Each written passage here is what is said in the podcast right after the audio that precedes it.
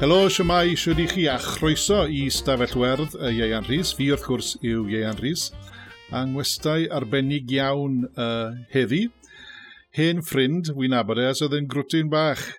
A wy'n falch i wei bod yn eistedd fan hyn fi ar y soffa yn yr ystafell werdd. Mr Johan Griffith, hi Io. Wel, helo, sy'n i ti. Siwm o pethau. O, oh, yn lle dda, diolch, yn lle dda. Yn i chanol i fan hyn, braidd. Uh, Mas yn Los Angeles, dyw'r plant ddim wedi mynd ôl i'r ysgol, felly um, maen nhw'n ar y Zoom, maen nhw'n yr ysgol ar y Zoom. Felly mm. uh, mae'n fore i wedi... Dwi wedi bod yn dechnegydd bore yma, yn ceisio cael y plant ar y Zoom. Felly... Um, Ti'n dda, cofio. Yeah, mae'n mae gyfnod ddiddorol tu hwnt yn dywi, fawr eithaf, i bawb a phob un. Mae'n ystrydau fi'n i gyd wedi diflasu arni fi, ond um, fel na mai. Na fe, gedi ymlacio nawr, right? Achos wy'n gofyn i pawb sy'n dod mewn i stafell werth i ddechrau. beth i moyn? Coffi neu te? Mm. Wel, gan amla, paned o de, mae dibynnu ar amser y dydd, ti'n gwybod. Um, Byddai'n cael paned o de i ddechrau, neu doi neu dri, actually, yn y bore. A wedyn ni, marciau nawr, uh, i ni'n recordo hwn, bydden ni'n cael coffi bach neis erbyn hyn, fi'n credu, yn y stafell werth. Coffi amdani te. A ti'n pa fath o goffi bydden ni wrth y modd? Gwedi. Um, Non-sequitur llwyr, ond yeah. um, dwi bod mas yn Australia dros y dair blynedd diwetha. Right. A credu ti'n ebeidio, ti fas i'r eidl, dwi'n credu taw Australia sy'n neud y coffi gorau. A bydden ni wrth y modd gyda flat white, maen nhw'n gael o fe. Ie. Yeah. A fi'n siŵr bod flat white i gael ym, ym Mhrydain erbyn hyn, fi'n siŵr. Um, o, oh, alli di gael flat, white, flat white yn Fairwater nawr, ychydig? Ond, diolch, maen nhw'n ma nhw um, ma nhw arbennig mas yma, maen rhaid i fi dweud. So, um, anyway, fel yma. Wel, fe, wel, na, gedi, gedi flat white a gewn ni sgwrso fan hyn. Un o'r pethau wi eisiau gofyn i ddechrau nawr, reit, i fynd nôl hmm. reit mm. i'r dechrau. A mae hwn wastad mm -hmm. yn drysu fi pryd wy'n darllen amdano ti yn y wasg. O Gyrdydd neu o Llwytgoed ti fas i Aberdar, wyt ti'n dod. Achos mae rai erthyglen gweud bod ti'n grwt o gyrdydd, a mae rai erthyglen mhm. gweud bod ti'n grwt o Aberdar. Wel, gwna, dwi'n digon hapus i gael yn enwyn un o'r, or, or ddau, oherwydd yn dechneg o ges i'n ngeni yn ysbyty Dewi Sant yng Nghaerdydd. Um, dwi'n credu, mi o'n i yno tam o'n i'n un oedd ddod, fi'n credu, falle. Um, a wedyn ni ges i'n fagu wedyn ni yn Llwyd Coed yn Aberdar a, a fi es i yno tan o'n i marcio naw, deg mlynedd ddod. Des i lawr nôl wedyn ni i Gardydd, achos uh, fe gath dad swydd wedyn ni oedd e yn ysgol pen y dre yn Merthyr. Felly dyna pam symudo ni i, i Llwydgoed yn y lle cyntaf, achos so, mi oedden nhw'n byw yn Henarth, yn credu. A wedyn ni ath, e, gath y swydd yn ysgol pen y dre, a wedyn ni pan ma'n ni marcio naw, deg, deg mlynedd o eithon ni nôl wedyn yn Gardydd. Felly dwi'n bachgen o Lwyd Coel a Bedarac o Gardydd yn gyda'r Ac dwi'n trio cofio, tybod, os ydy ti'n gweud bod ti wedi symud o llwytgoed a naw mlynedd oed, dwi'n trio meddwl beth oedd dy oedran ti pan nes i gwrdd y ti am y tro cynta, pan nath dy fam, Jill, gynnal cyfarfod yn y tŷ i ddechrau cwmni uh, amateur um, cwmni amateur dramatig yn Aberdar, cwmni Carw Coch. A wy'n cofio ar ddiwedd y nos, neu ganol y cyfarfod, dys di a dy frawd mewn yn eich pyjamas i weid nos da wrthyn ni. So beth oedd o doedran di prynu? O, oh, wel, mae rhaid bo fi, os o'n i yn llwydcoed te neu Aberdar a cwmni Carw Coch, falle saith, falle saith neu wyth, byddai wedi bod. Um, a fi'n siŵr yn gwisgo pyjamas y swans hefyd. Fi'n siŵr pyjamas gwyn, achos fi'n well, cofio yeah. un o'r sets pyjamas, un o'r hoff sets pyjamas i pan o'n i'n ifanc, oedd y oedd y uh, pyjamas y swans yn wyn i gyd ar cilch yn hanol y Cris fel oedd e. Uh, da ti. So gweithio, ti'n cael cyfle i ddilyn y swans mas fan co yn LA?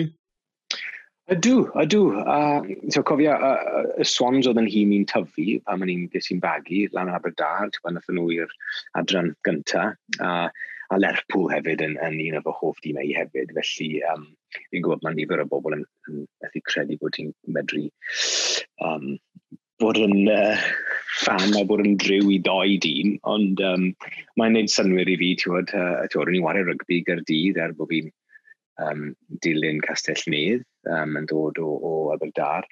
Felly o, o dwi yn medru mae'r ma, gemau ymlaen yn fyw mae'n un yn yr Unol Daleithiau. Mae'n angredad yma ti godi'n ffernol y gynnar i, i weld y gemau sy'n dechrau ymhanner dydd, ond recordo rhyw i wneud uh, gan amla. A wedyn ni gwylio nhw'n yn dawel bach a fast forward twyd, lan at y goals. Yeah, um.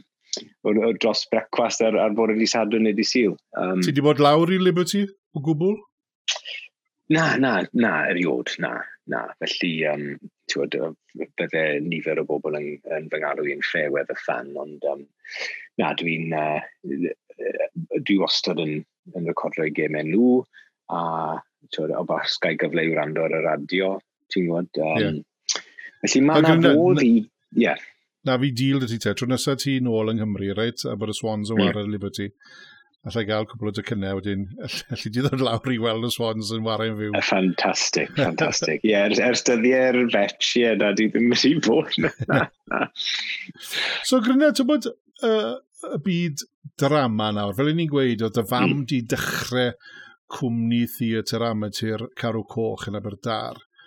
Oedd, oedd rhywbeth na i ti yn Aberdar yn, bod, achos dy fam a dy dad dechreuas i'r diddordeb yn byd y theatr neu byd actio?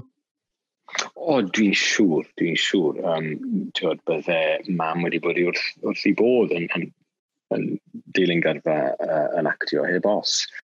Um, felly, heb os bod yna wedi bod yn rhan o'n lanwad i. Um, a ti'n bod, o'n i mewn ysgol gynradd Gymraeg, felly lot fawr o fy hyder i fi'n credu wedi dod o berfformio yn y cwr, uh, yn unigol, um, parti o'n bechgyn, hyn ar llall. Felly, trwy'r gerddoriaeth fi'n credu, a trwy gannu, a trwy fod ar y llwyfan yn canu, a fi'n credu dath yr hyder a, a mwynhad o ran y perfformio wedyn ni, bydden ni'n unig perfformio bydden ni wedi wneud yw falle drama bach syml neu rhywbeth yn yr ysgol byd. Mae'n cofio i fod yn onest yn ysgol um, um, yn Nes Lwyd pan o'n i'n Aberdar, ond falle yn y capel falle, ti oedd yn perfformio uh, pasiant yn nadolig neu beth bynnag, um, uh, yn y stori nadolig. Um, fi'n credu dath uh, yr awch i wneud actio, i wneud perfformio drwy Wel, ddim hapod damwen, ond fi'n credu beth fel pryd dechreuodd e, uh, a gwyr y gwir, oedd um, Mi ddethon nhw i ysgol gynradd Melin Griffith, felly o'n i'n naw neu deg mlynedd ddod, i, i o'n nhw angen bachgen i ware rhan mewn drama BBEC 2, ond yn Gymraeg, i'r BBEC. Um, Austin oedd enw'r drama, a oedd hi'n drama i gosod yn y 40au... Gyda Gairlis Britain. Gairlis Britain, meddwl ie, ie, ie. Felly, fe ges i dyna... A Gwyn Hughes Jones oedd y cyfarwyddwr, a wrth gwrs, um, oedd uh, gwraig Gwyn yn, yn, yn Ysgol Melyn Griffith. Fe'n credu fel lle dyna'r cysylltiad uh, gwreiddiol, felly ges i glyweliad yn yr ysgol, a wedyn i glyweliad yn y BBEC, a fe ges i'r swydd. Felly, oedd rhyw fath o continuity wedyn ni pan ddath y cyfle i glyweld ar gyfer Gareth Wyn, oedd Gwyn Hughes Jones dal i fod yn rhan o um, yn rhan o'r tîm cynhyrchu yn oedd e pryd hynny, felly oedd e wedi gweithio gyda fi, oedd e'n gwybod bod yn tymach o brofiad gen i, felly oedd e'n help mawr, fi'n credu pan ges i rhan Gareth Wyn. Ond na, heb os, um, y dylanwad uh, yn y dyddiau cynnar na'n Aberdar, fi'n siŵr, um, a bod mam yn dwlu ar berfformio a mae dad yn berson gyhoeddus sy'n bod yn briathro ac yn athro a ti'n ti'n perfformio flaen y dosbarth ydy ti ty beth bob dydd. Um, a wedyn ni gweld theatr a gweld eich cynnyrchiadau chi a wedyn ni gweld hefyd cynnyrchiadau ysgol, wel, Rhyd Felen, oedd hwnna'n ddylanwad mawr hefyd, i, or, yn, yn hwyrach falle yn, yn yngyrfau yn yr ysgol uwchradd, oedd gweld perfformiadau Rhyd Felen, a wedyn ni cymryd rhan mewn esteddfodau a, a cynnysiadau fel hynny. Felly, dath e ddim, er bod fi wedi bod yn broffesiynol ar bobl y cwm, um, ers o'n i'n 11, uh, dath e ddim yn yn beth difrifol tan falle cofnod lefel A, wedyn dwi i'n mynd i fynd off i ysgol drama neu dwi'n mynd off i astudio Cymraeg neu drama neu cerdd neu beth bynnag yn y brifysgol. Felly dyna pryd dath y penderfyniad mawr oedd a o'n i'n mynd i fynd ati i fod yn uh, actor proffesiynol a astudio fe fel crefft neu mynd i'r brifysgol. E, achos, to, fel y ti'n sôn nawr, ti dal yn yr ysgol pan uh, wnaethon ni weithio yn gilydd am y tro cynta ar, ar pobl y cwm, dys ti mewn mm, fel mm. Gareth Wyn. A fi ys ti yna am sawl blwyddyn, just, just cyn i ti fynd off i, i goleg drama, ie? Yeah? Mm, mm. Do, wel, felly ddechreuais i, dim yn gobeithio y, y flwyddyn, ond o'n i'n falle yn y flwyddyn gyntaf neu'r ail flwyddyn yn ysgol uwchradd yn Lantaf wrth gwrs mae'r BBEC, dwi'n sôn y gornel o Glantaf. Um, ac yn y dyddiau cynnar, mi oeddwn ni'n blentyn yn dechnegol, o'n i'n dan 16, felly oedd rhaid i fi gael chaperon. A wrth gwrs, dim ond yn y bore neu'r prynawn, o'n i'n cael ffilmio, achos oriau plant yn y, um, a fi ddim yn colli gormod o ysgol. A nifer o storylines wedyn ni, wrth gwrs, gyda Gareth Wyn, oedd e'n nôl yn y pentre, um, yn ystod gwyliau'r ha, felly nes i lot o'r waith yn ystod y gwyliau naturiol y haf yr ysgol, neu pasg, neu beth bynnag, neu hanner tymor. Um, a wedi ddim yn colli gormod o waith. Ond wedyn, wrth gwrs, pan droes i'n un ar bymtheg, o'n i'n actor well, oedolyn. Mae ti'n cael y consider i fod yn oedolyn pryd hynny. Felly, um, oedd ddim angen siaparon a fedrwn nhw alw i pryd bynnag. Felly, golles i falle tamach mwy o ysgol um, pryd hynny Uh, ond eto, oedd e, y e storyline to Gareth Wyn Bant yn yr ysgol... Um, beth yw ysgol fonedd. Felly yeah, yeah. oedd e ddim yn cael bod gatre, oedd e'n bant yn aros yn yr ysgol. Felly oedd na'n bell i stori yn yr ysgol, a oedd e'n golygu bod ni'n colli ysgol yn hunan. Um, a wrth gwrs, oedd e'n beth, tiwod, oedd e'n um, agoriad llygad mawr, tiwod, fe ddeithon ni'n ffrindiau, A wrth gwrs fe welwch chi fi yn tyfu o fod yn fachgen 11 mlynedd ddod i fod yn ddyn, basically, yr holl gyfnod o'n i. Mi'n credu ddys i, ddys i ben pan mae'n un ar hugen, mi'n credu yn y pen draw. A wedyn, um, wrth gwrs, pan, ti, pan difes ti'n ddyn, ges ti, ges ti ddod bant gyda ni i wario pel drod, i'r tîm pel drod. Do, do, wel, i, i fod yn hollol ddifrifol am y peth, um, wrth gwrs oedd hi'n gyfnod lot fawr o sport, a fi'n credu o'n un ar bymtheg o'r bymtheg yn y lle cyntaf pan ddes i mas gyda chi um, ar y, yr ateithiau yma o gwmpas Cymru. Um, ond fe oedd e'n brofiad bywyd, ti'n gwybod, byth gofiadwy, a Tywed, nid yn unig drwy bant gyda chi a, a i gael y sport fel bydden ni, fel, fel criw o foes mewn tîm pel drod, oedd e'n brofiad bywyd o ran mynd i ardaloedd gwahanol dros Gymru na fydden ni falle beth wedi mynd iddyn nhw.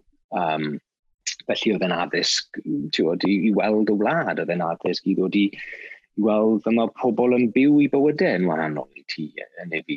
Um, A so'n gwybod os dylen ni, dylen ni sôn, Johan, ond uh, na Doris ti dy drod pan ddethon ni ware yn erbyn merched Llanuwchlyn?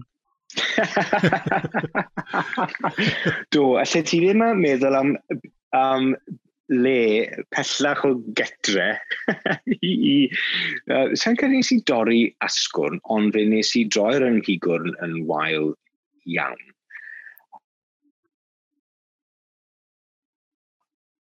Hang on, benalty. Hang on, efo, mae di... Ma di... A neidio i ddathlu. Gan i fynd nôl, nath, e, nath e glitcho fyna. So, le o le o'n i nôl. So, cariad i mlaen dy'r stori te. Yeah. um, ie, fi'n credu, ie, allan ni ddim meddwl am le pellach i ffwrdd o gatre na llan Llanuwchlyn i droed y bigwrn, wel, oedd e'n sa'n credu dorys i asgwrn, ond dro, dros i ar y migwr yn wael iawn. A o'n i'n methu roi unrhyw bwysau yna fe, medru, ddim yn medru cerdded na dim byd. Um, a fi'n credu, o'n i'n hyd yn oed o chwarae ar y pryd, fi'n credu penalty oedd hi, Um, neidio i ddathlu y penalty, sgoro, sgoro nhw uh, droes i'r ymigwn.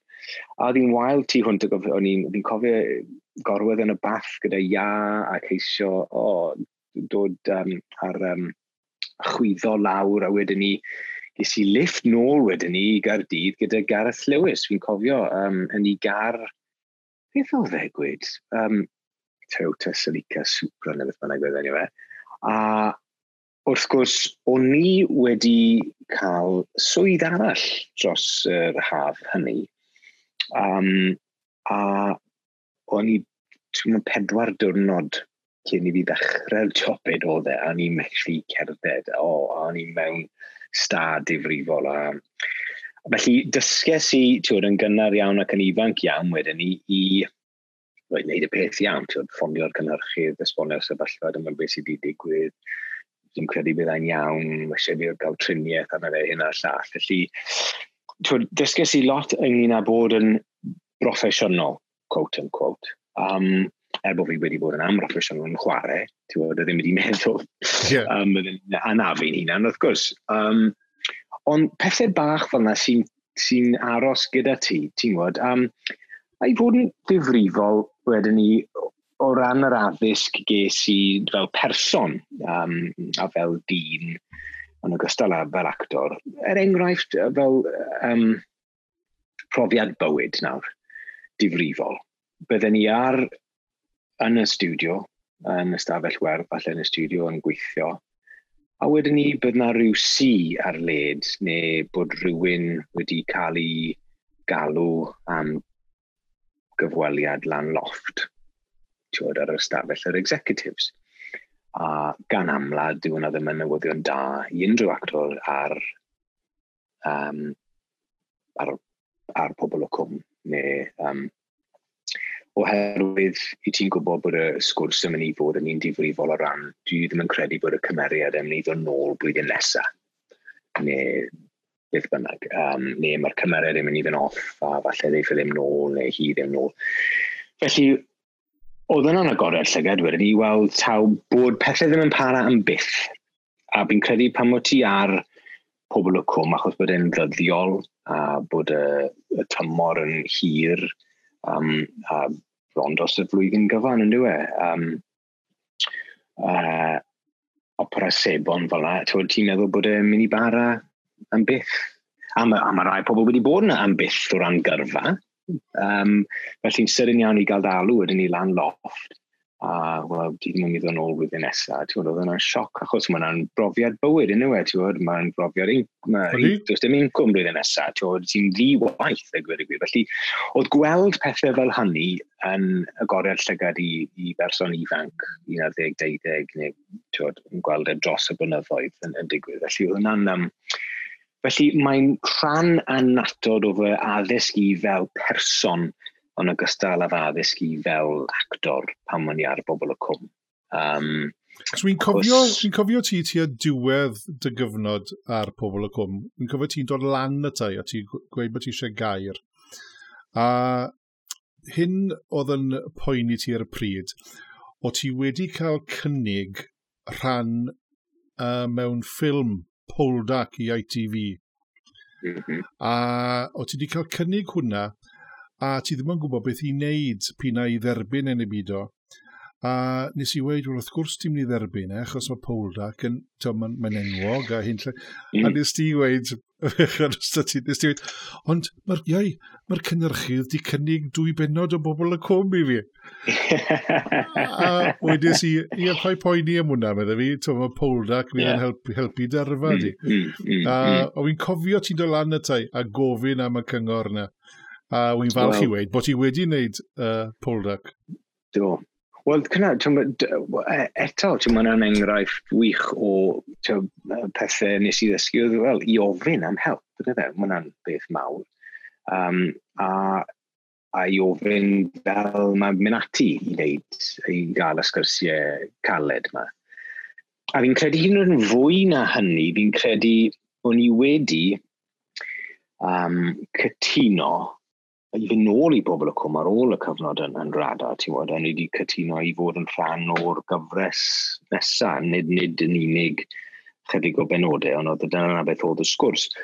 Felly, o siarad gyda ti wedyn ni a, a cael y cyngor hynny, fi'n cofio wedyn ni mynd yn union gyrchol lan i'r top floor i siarad gyda, fi'n credu Cliff Jones oedd y, oedd y, yr uwch gynhyrchydd ar y pryd, Felly gwybod beth i wneud, achos bod fi wedi gweld y math yma sgwrsiau, y math yma um, o, o broblemau yn codi yn y gorffennol, felly rhaid cael sgwrs man to man gyda fe, gweud, gwna, fi'n gwybod fi wedi cytuno i ddod nôl, ond dwi wedi cael cynnig hwn, byddai'n ni'n hoffi mynd offi i wneud hwn, a os modd i ni ddod i rhywbeth o gytundeb.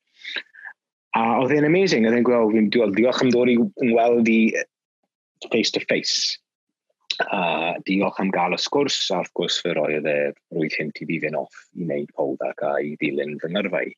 A na beth ynghofio hynny, a wrth gwrs, fel i ni'n gwybod yn, yn ein diwydiant ni, mae'r pethau mae'n dod nôl wedyn ni ato ti, dynoddoedd lawr yr hewl, a fi'n cofio ges i, a, ges i alw'r ffôn, o fi wrth fe. Ni'n Ni, yn LA, so ni'n ni sôn am 20 mlynedd yn hwyrach, yn gweud, mae ma, ma, fi'n credu, no, oed blant e fi'n credu, draw ma, y lawr yn um, Orange County fi'n credu, mewn rhyw brifysgol yn astudio actio neu drama.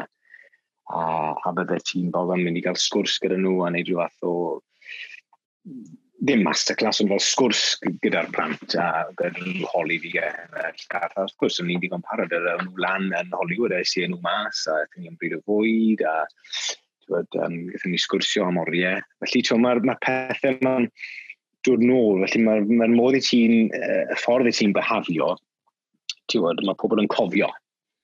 Ti'n gwybod, fel, fel nes ti behafio. Felly, um, yn hollol, ond wedyn ni, ti'n bod, ar ôl, ar ôl i ti'n neud polrac, to, dechreuodd pethau gymryd off i ti mewn ffordd wedyn ni. Wrth gwrs, er, er tawr rhan fach o dyty yn Titanic, mae pawb yn cofio y rhan yna a mae lot o bobl hefyd yn dynware ti. Se anybody there? i! Ti'n fe? Ydyn. So mae'n ma rhan, er ta rhan fach oedd hi, oedd e'n rhan eiconic mewn ffilm eiconic. Oedd.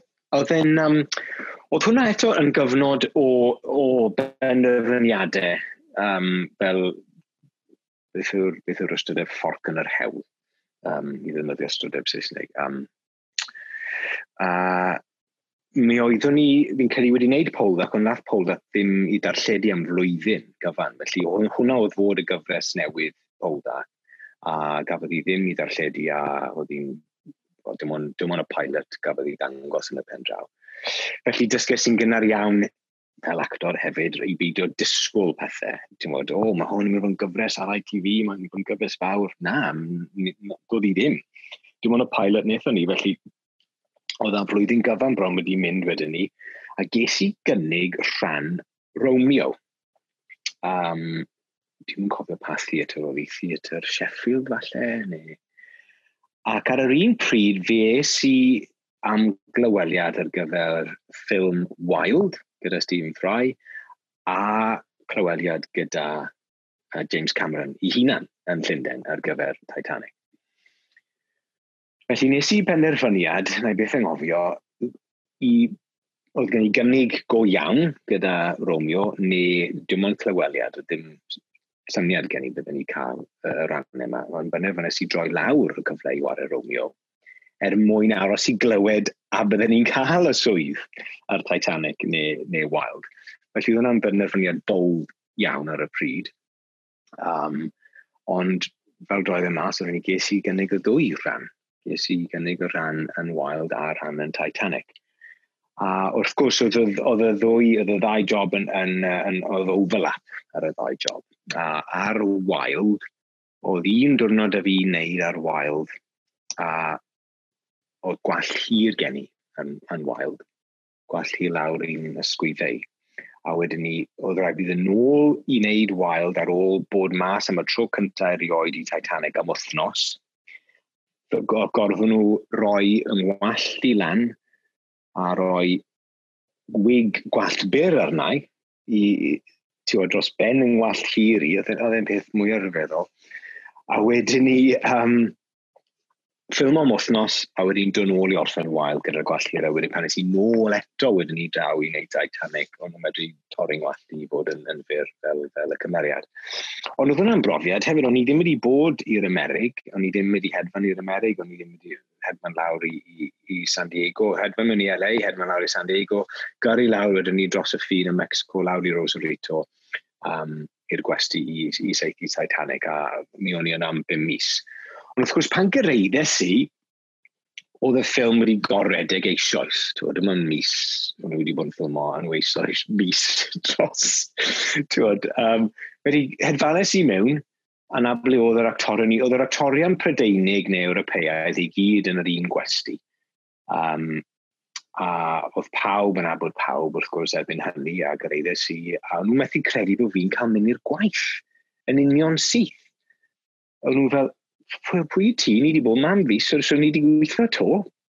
Um, fel i ti'n gweithio fod, o, mae job yn arall ddim fi'n off i wneud yn ôl yn pryder.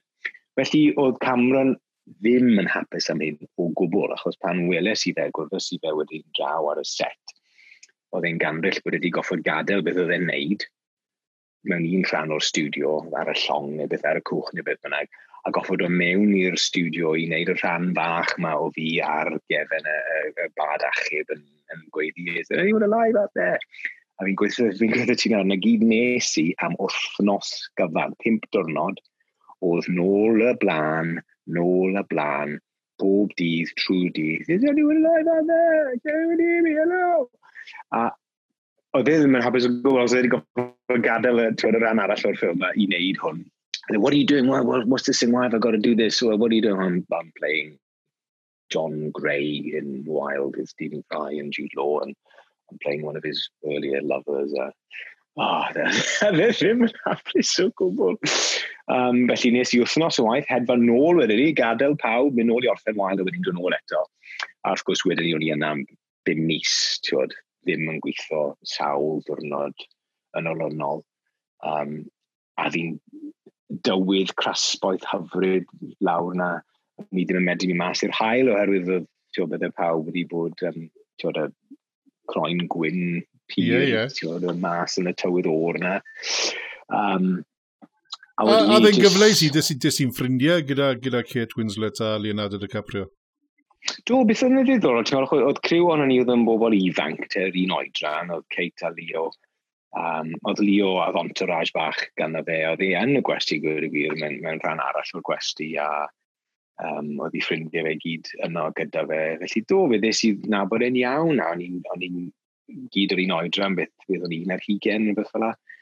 Um, felly o'n i'n wario gem ar y cyfrifiadur neu twyd uh, PlayStation neu Nintendo neu beth bynnag oedd e'n ei stafell. Achos ddim, ddim am trailers, oedd ganddyn ni'r stafell newid oedd e. o'n wedi adeiladu complex stafelloedd newid, felly o stafell newid enfawr gan y fe, a un gyda Kate, a o'n i'n rhannu un gyda uh, actor arall.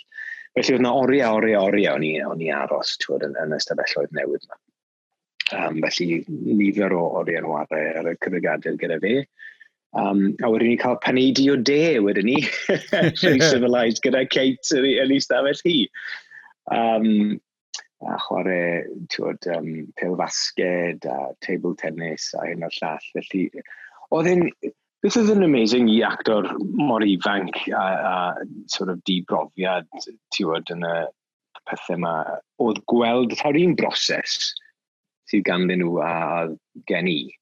Um, just ma, beth bynnag sydd ganddyn nhw o ran y peth hudolus yma o pam ti'n rhoi rhywun fel Kate o flaen y camera Tio, mae jyst yn, mae rhywbeth gwefreiddiol yn digwydd pam ti'n rhoi dy caprio o flan camera. A jyst pa mor rwydd effortless oedd e, iddo fe yn enwedig. Ti'n gwybod, oedd e'n hollol, um, hollol anglidadwy, oedd e'n medru um, oedd e'n medru, oedd ti'n medru edrych yn fe'n gweithio a meddwl, o diolch, dwi'n mynd canolbwyntio, mae'n wario beti, mae'n y llall, a wedyn pam oedd action, oedd e'n just yn troi fy mlaen. Yeah. Oedd e just yn, oedd e fel clic o'r switch a oedd e'n just yn mesmerising, oedd e'n wych. Felly, eto, actor wedi paratoi. Yeah. gwybod, hwnna'n rhywbeth addysg arall, ti'n gwybod, paratoi. Um, bod yn broffesiynol, gwybod y waith cartre wedi wneud y holl waith cartre, fel bod ti'n medru troi fy mlaen ar y pryd. Um, a fi'n cofio dysgus i hwnna'n gynnar iawn hefyd ar y pobl o cwm. Fi'n cofio un o'n um, cyfarwyddion, cyfarwyddwyr ni um, ar, ar y pobl o cwm Yn gofio un bore, ti oedd rhyw olygfa falle yn, uh, yn y dafarn, yn, um, yn y Derry Arms, a felly oedd nifer ohono ni yn y, yn y Derry Arms. Oedd nifer o, olygfeidd bach byr yn y, yn y Derry Arms. A wrth gwrs, yn y peth gyntaf yn y bore, fi'n cydra, efe Dave, Dave... Dave Evans. Yeah. Um, amazing. Cyfarwyddwr brilliant, yeah. actually. Oedd e'n wych, ond oedd e'n tough a dde ddim yn, tywed, i, i didn't suffer fools gladly, a yeah, yeah. pawb yn wario biti, wario biti o'r rehearsal yn y bore, o coffi, a sgwrsio, a werthu yna, un yna. Fi'n cofio ath e'n tampa ni, just wyddodd e'r top i lais a dde'n gandryll gyda ni. I chi'n bobl proffesiynol, i fi'n ceisio ymarfer, ni'n goffa wneud hwn heddi, ni'n goffa wneud hwn ar. Os, os rhywun mynd i'n moyn bod yn broffesiynol a wneud i gwaith catre a just, just canolbwyntio fod yn dawel am 5 munud, diawch ti'n gwybod, so pa beth oedd yn oed yn eidr, bob thegu, beth oedd yn dipyn o, o sioc. A fi'n cael pawb sioc a wedyn oedd pawb i ddihafio, felly jyst pethau bach fel ti'n yeah. cofio, right, dwi'n mynd i, right, dwi'n dysgu fan hyn nawr, right, mae eisiau fi wybod yn waith i bod trwy'n troi lan i unrhyw beth. A does neb yn mynd i fod wedi paratoi gwaith cartre yn fwy na fi. Dyna un o'r pethau nes i benderfynu, right, falle bod ti ddim yn mynd i fod yr actor gorau sy'n troi lan i'r ymarferion yma, ti'n neu wneud y jobs yma ond ti, does neb yn mynd i bod yn, ti'n yn fwy parod na gwyt Na, no llaw. No llaw, so, uh, credu bod e'n bod e'n wers uh, eitha pwysig hefyd, ti'n bod ti mm. Mm. bod actorion yn paratoi, ond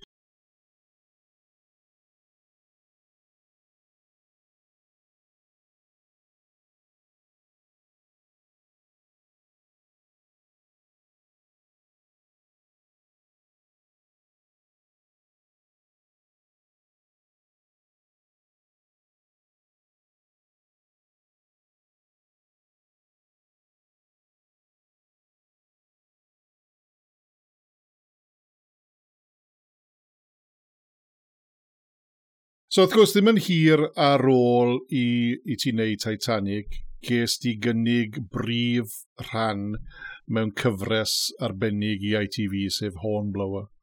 A beth sy'n bizar am hwnna, wy'n cofio mynd lan am audition yn hunan ddim i wario hornblower, wrth gwrs, ond i wario un o'r criw, a ni ddim yn gwybod ar y pryd, ta ti oedd wedi cael dy gasto fel hornblower. Ond wi'n just yn cofio mynd i'r audition a enjoyo'r audition. Ges i ddim efo, wrth gwrs. Ond o'n i'n meddwl, god, beth hwnna wedi bod yn weird, sy'n ni wedi cael yng nghasto fel un o'r criw, a wedyn ti'n troi lan ar y set, a i wario hornblower. Ond, oedd hwnna'n gyfres arbennig yn dod e? Oedd, oedd e'n fi'n credu taw dyna... Uh, Tyw'n, bon, mae yna nifer o dro bwyntiau nos e mewn garfa a mewn bywyd. Um, ond fi'n credu oedd hwnna'n dro bwynt oherwydd cael cynnig prif ran mewn rhywbeth. Um, a cael cynnig y brif ran mewn cyfres enfawr, cyfres fwyaf fi, fi oedd ar y teledu o ran uh, cyllid Um, oedd e, byddwn ni'n cymharu fe nawr i gael y fel y brif ran yn Game of Thrones. Ti'n oedd y cyllid mor fawr, oedd e'n brosiect enfawr, oedd e'n co-production gyda A&E um, allan yma yn yr Amerig. Felly oedd e'n enfawr, felly oedd lot o bwysau arnyn nhw i gastio fe'n iawn, a fi'n siŵr bod nhw wedi mynd i bob math o actorion. Ti'n gwybod, um, fel pobl fel Ewan McGregor a Jude Law, Johnny Miller, boes na i gyd oedd yn oedd eisoes yn, yn ser um, o'r un oedran a fi. Um, ond na, fe ges i'r rhan a ddim... Fi'n cofio'r clyweliad cynta, ges i nôl o, o wneud Titanic a clyweliad jyst gyda'r cyfarwyddwr oedd e. Um, sgwrs. Uh, and Andrew Grieve oedd y cyfarwyddwr. Uh, wedodd there? So just um, just tell me a little bit about yourself, um, and please, please don't talk about your last job. I just hate actors talking about their last jobs. Felly, nes i, ti'n o ran profiad, a ti'n meddwl, uh, living in the moment, wedi si na, fi dwi'n mynd i siarad am y job yn diwetha, oherwydd Mae hwn ynglyn â cymeriad sy'n ar long, a dwi newydd ddod oddi ar y ffilm fwyaf gafodd ei wneud erioed, a hwnna ynglyn â llong enwog arall. Felly fe es ati ati i'r odi newydd o'n ôl y Mexico, mae rai fi fi'n gwybod, mae rai fi siarad am hwn, mae rai fi weithio chi, mae rai fi awen wrth gwrs o dde wrth i fod. Wedyn ni, oedd e fel, wel fel nethach chi hyn, fel nethach chi'r llall, o, just dweud popeth o'r bai. Felly, gyda ni sgwrs swych wedyn li yn ar ochr dechnegol, a ceisio disgrifio fel oedd e camera wedi seithio'r ffilm a hyn o llall. A wedyn ni, um, do, wedyn ni sawl clyweliad wedyn ni, ti'n o ran yr actio, wedyn ni sawl golygfa, a wedyn ni clyweliad pellach, wedyn ni a screen test, ti'n bod, y screen test o gyda 3 neu 4 bachgan arall. Um, a wedyn i ges i ran yn y pen draw. A, a oedd yn brofiad beth gyfiad. Fi'n credu sawd dyna ble ddysges i um, rhan fwyaf o fy sgiliau i fi'n credu fel actor o flaen y camera, achos o ti o flaen y camera bob dydd trwy dydd. Hyd yn oed dwi'n gweld i hunain ar y sgrin, e- heb sôn am uh, o bod unrhyw beth technegol ynglyn â'r camera neu'r sain, sain neu'r goleio neu hati. Ond dwi'n rhywun sydd wrth y modd yn dysgu a gweld uh, fel mae'r technoleg yn, yn esblygu tiw, dros, dros y blynyddoedd. Felly fe dysgu i siwd gymaint o ran o'r ochr dechnegol, a, a wedyn wrth gwrs mae'n rhoi hyder mawr y ti wedyn ni hefyd. Um, ti wedi wario'r brif ran, achos ti ran y camera bob dydd trwy dydd. Ie, yeah, felly, tiwod, mae'n, oedd e'n chwe diwrnod yr wythnos bryd hynny, uh, am ddeuddeg wythnos, felly mae hwnna'n dri mis hir iawn, felly tywed, oedd yn, oedd yn wers wedyn ni o ran stamina a disgybleth a just dal ati a dyfal donc a um, tywed, oedd yn, oedd yn brofiad byth gyfiadau y, y gyfres gyntaf neu'r ddwy benod gyntaf. Seithon ni mas yn yr Ukraine, yn y Crimea, yn Ialta, um, ar y um, Ifer môr di, bydde ti'n gweud, Black Sea, ifer môr yeah, yeah. di. Ie, yeah. ie, ie. Felly, um, ie, yeah, profiad byth gofiadwy. Um, Felly, a, a hwnna wedyn ni oedd yr allwedd i agor y drws i America a i'r pethau dath yn ei sgil wedyn ni, sef Homelock. Oedd Homelock yn boblogydd iawn yn America hefyd yn dod e? Do, do, fe gath i i enwebu am uh, sawl emi, ti'n bod y flwyddyn hynny. Um, felly, ie, yeah, fi'n credu taw hwnna, fi'n cofio dod mas twyd sawl gwaith i'r Americ i hyrwyddo Homeblower a i hyrwyddo Great Expectations hefyd nes i BBEC uh, i'r BBEC hefyd uh, ym Mhryden um, Lloegr felly E- oedd e'n gyfnod anglydario, oedd y diwydiant mewn lle hollol wahanol bryd hynny hefyd. Um, oedd y diwydiant mewn man ble oedd expenses, er enghraifft, and, well, oedd e'n ddiweinod oedd ei e weld i fi. Ti'n gwybod, o'n i'n cael yn hedfan mas dosbarth cyntaf, o'n i'n cael stafell westi angredadwy, ti'n gwybod, arian poced, car i fyna fi fynd fan hyn a fonco, car a gyrwr yn yw. Car wedyn ni er rental, os o'n ni moyn mynd tiwod, ar ôl gwaith i unrhyw le. Um, ddim yn talu am ddim byd, e- oedd e'n hollol lan er, er, er enghraifft. Er enghraifft, um, ges i'n wahodd i hyrwyddo homeblower mas yn Efrog Newydd. A yr alwan ffôn ges i oedd, oedd hwn, hoffet ti ddod mas i Efrog newydd a nos fawrth nesa, achos i ni'n cael rhyw swper neu ginio i ddathlu A&E, pa beth sy'n mynd ar y sgrin ar A&E, a bydden ni'n dwlu ti fod yno. Um, so dim rhaid i ti wneud unrhyw beth, jyst troi lan i'r cinio yma. O, oh, oce. Okay. Nawr, hoffwn ni uh, gynnig doi fflaith dosbarth cyntaf, neu un flight ar Concord. Wow.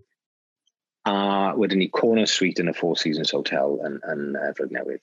A nyn ni roi arian pocket i hi, ti hyn a llall, bla bla bla, a gallu di aros na yn pedwar diwrnod. So basically, un noson o waith, pedwar diwrnod yn Efrog yeah. Newydd, ti'n all expenses paid. Oedd oh, e'n hollol, hollol ridiculous. So, of course, um, es i mas ar y Concord. wrth gwrs, wrth gwrs. um, a ges i pedwar dynol hollol anglodadau. Beth yn beth wnaethon ni wedyn ni oedd... Um, fi'n credu nes i wneud ychydig o waith hyrwyddo tiwod, um, cyfweliadau a photoshoot a hyn a'r llall. Felly fe drodd y peth i, i fod yn fwy o waith na beth oedd e, ond na beth oedd rhaid i fi wneud oedd um, Ie, yeah, a pwy to pwy yn canu ar y noson yn, yn Cipriani's Midtown. Ddim Dafydd Iwan. Newydd. Nag i Dafydd Iwan ag Arnog, nag e. um, nid Edward H. Davis. Ond um, Barry White. Waw. A mi o'n i'n eistedd yn y res flan, yn y, y for ble o'n i'n eistedd, reit nesaf y llwyfan a felly ges i'n serenado basically gan Barry White. Oh, llais o'n bynnig. Oh, amazing, amazing, hollol wych, ti'n gwybod? So, um, a wrth gwrs y noson hynny ges i'n hyflwyno i'r Cosmopolitan. A ni rioed wedi cael Cosmopolitan, a wrth gwrs ddim wedi gwerthfawrogi pwer y Cosmopolitan. Ie. Yeah A fi'n credu dreulus i'r diwrnod cyfrifol yn y gwely yn y corner suite ma. Yn y ffrog newydd yn diodde. Uh, ond, um, ond to ti'n iawn, ti'n ti gweud to, mae bobl, mae'r diwydiant yn America yn hollol wahanol. Nes i rhywbeth ddim yn hir yn ôl. Er to cwmni Americanaidd oedd yn ffundo fe, yn Abertawe, o'n nhw'n ffilmo fe, sef Da Vinci's Demons. A bys er cynnyrchwyr yn dod draw o America i Abertawe just ar gyfer y read-through. A o'n i'n gweld hwnna'n anhygoel bod nhw'n hedfan mor bell just er mwyn dod i'r read-through, ti'n bod? A ni'n meddwl, mae rai bod arian dy rein, ti'n bod, nhw'n gallu fel popol a fel sut i popol mewn y car a mewn lawr i dre. Ie, yeah, ie. Yeah. Wel, Ie, yeah, ti'n gwybod, y fi'n sôn ar am dros i mlynedd yn ôl, y stori na, neu bron i mlynedd yn ôl um, i fynd i Efryn. Ond mae'r diwyr wedi newid, wedi, tiwod, wedi cywasgu i ryw bwynt nawr i ti'n ti goffod ymladd i gael fflant i fynd i'r gwaith, ti'n gwybod? Um, felly mae'r diwyd yn hunan wedi newid uh, tipyn um, um, yn y, yn y 20 mlynedd diwethaf. Felly bydde, dyn nhw ddim yn neud math hynny o hyrwyddo heb law bod ti mewn ffilm Avengers yeah. neu rhywbeth fel la, erbyn yeah. ti'n gwybod. Um, um, neu bod ti'n DiCaprio neu Dwayne The Rock Johnson neu beth bynnag. Um, yeah. So, uh, enwedig ar gyfer teledu fyna. Um, dim, dim i'r raddfa hynny.